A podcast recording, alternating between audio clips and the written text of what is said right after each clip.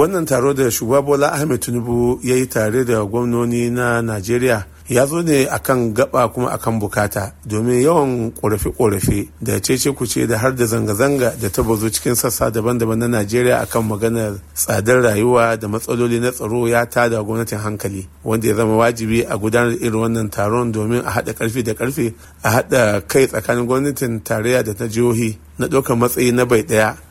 Domin a tunkari wannan matsala a warware ta. Kamar yadda ministan yada labarai na najeriya alhaji muhammad idris yake bayyana wa manema labaru bayan da aka kammala wannan taro da shugaban kasa da gwamnoni magana ce ta an baiwa wani kwamiti dama ya duba yiwuwar kafa rundunoni na 'yan sanda a jihohi wanda za su yi aiki kafada da kafada da runduna ta 'yan sandan najeriya inda yake cewa.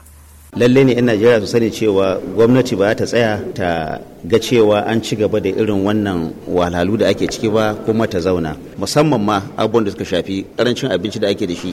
Idan allah ya yarda gwamnati ta ɗauki matakin da zai zo ƙarshe. Ministan yada labarai na najeriya kenan idris muhammad a tattaunawa da ya da manema labaru a fadar gwamnati. 'yan ƙasa yanzu sun sa ido su ga irin mataki ko haɗin gwiwa da za a samu.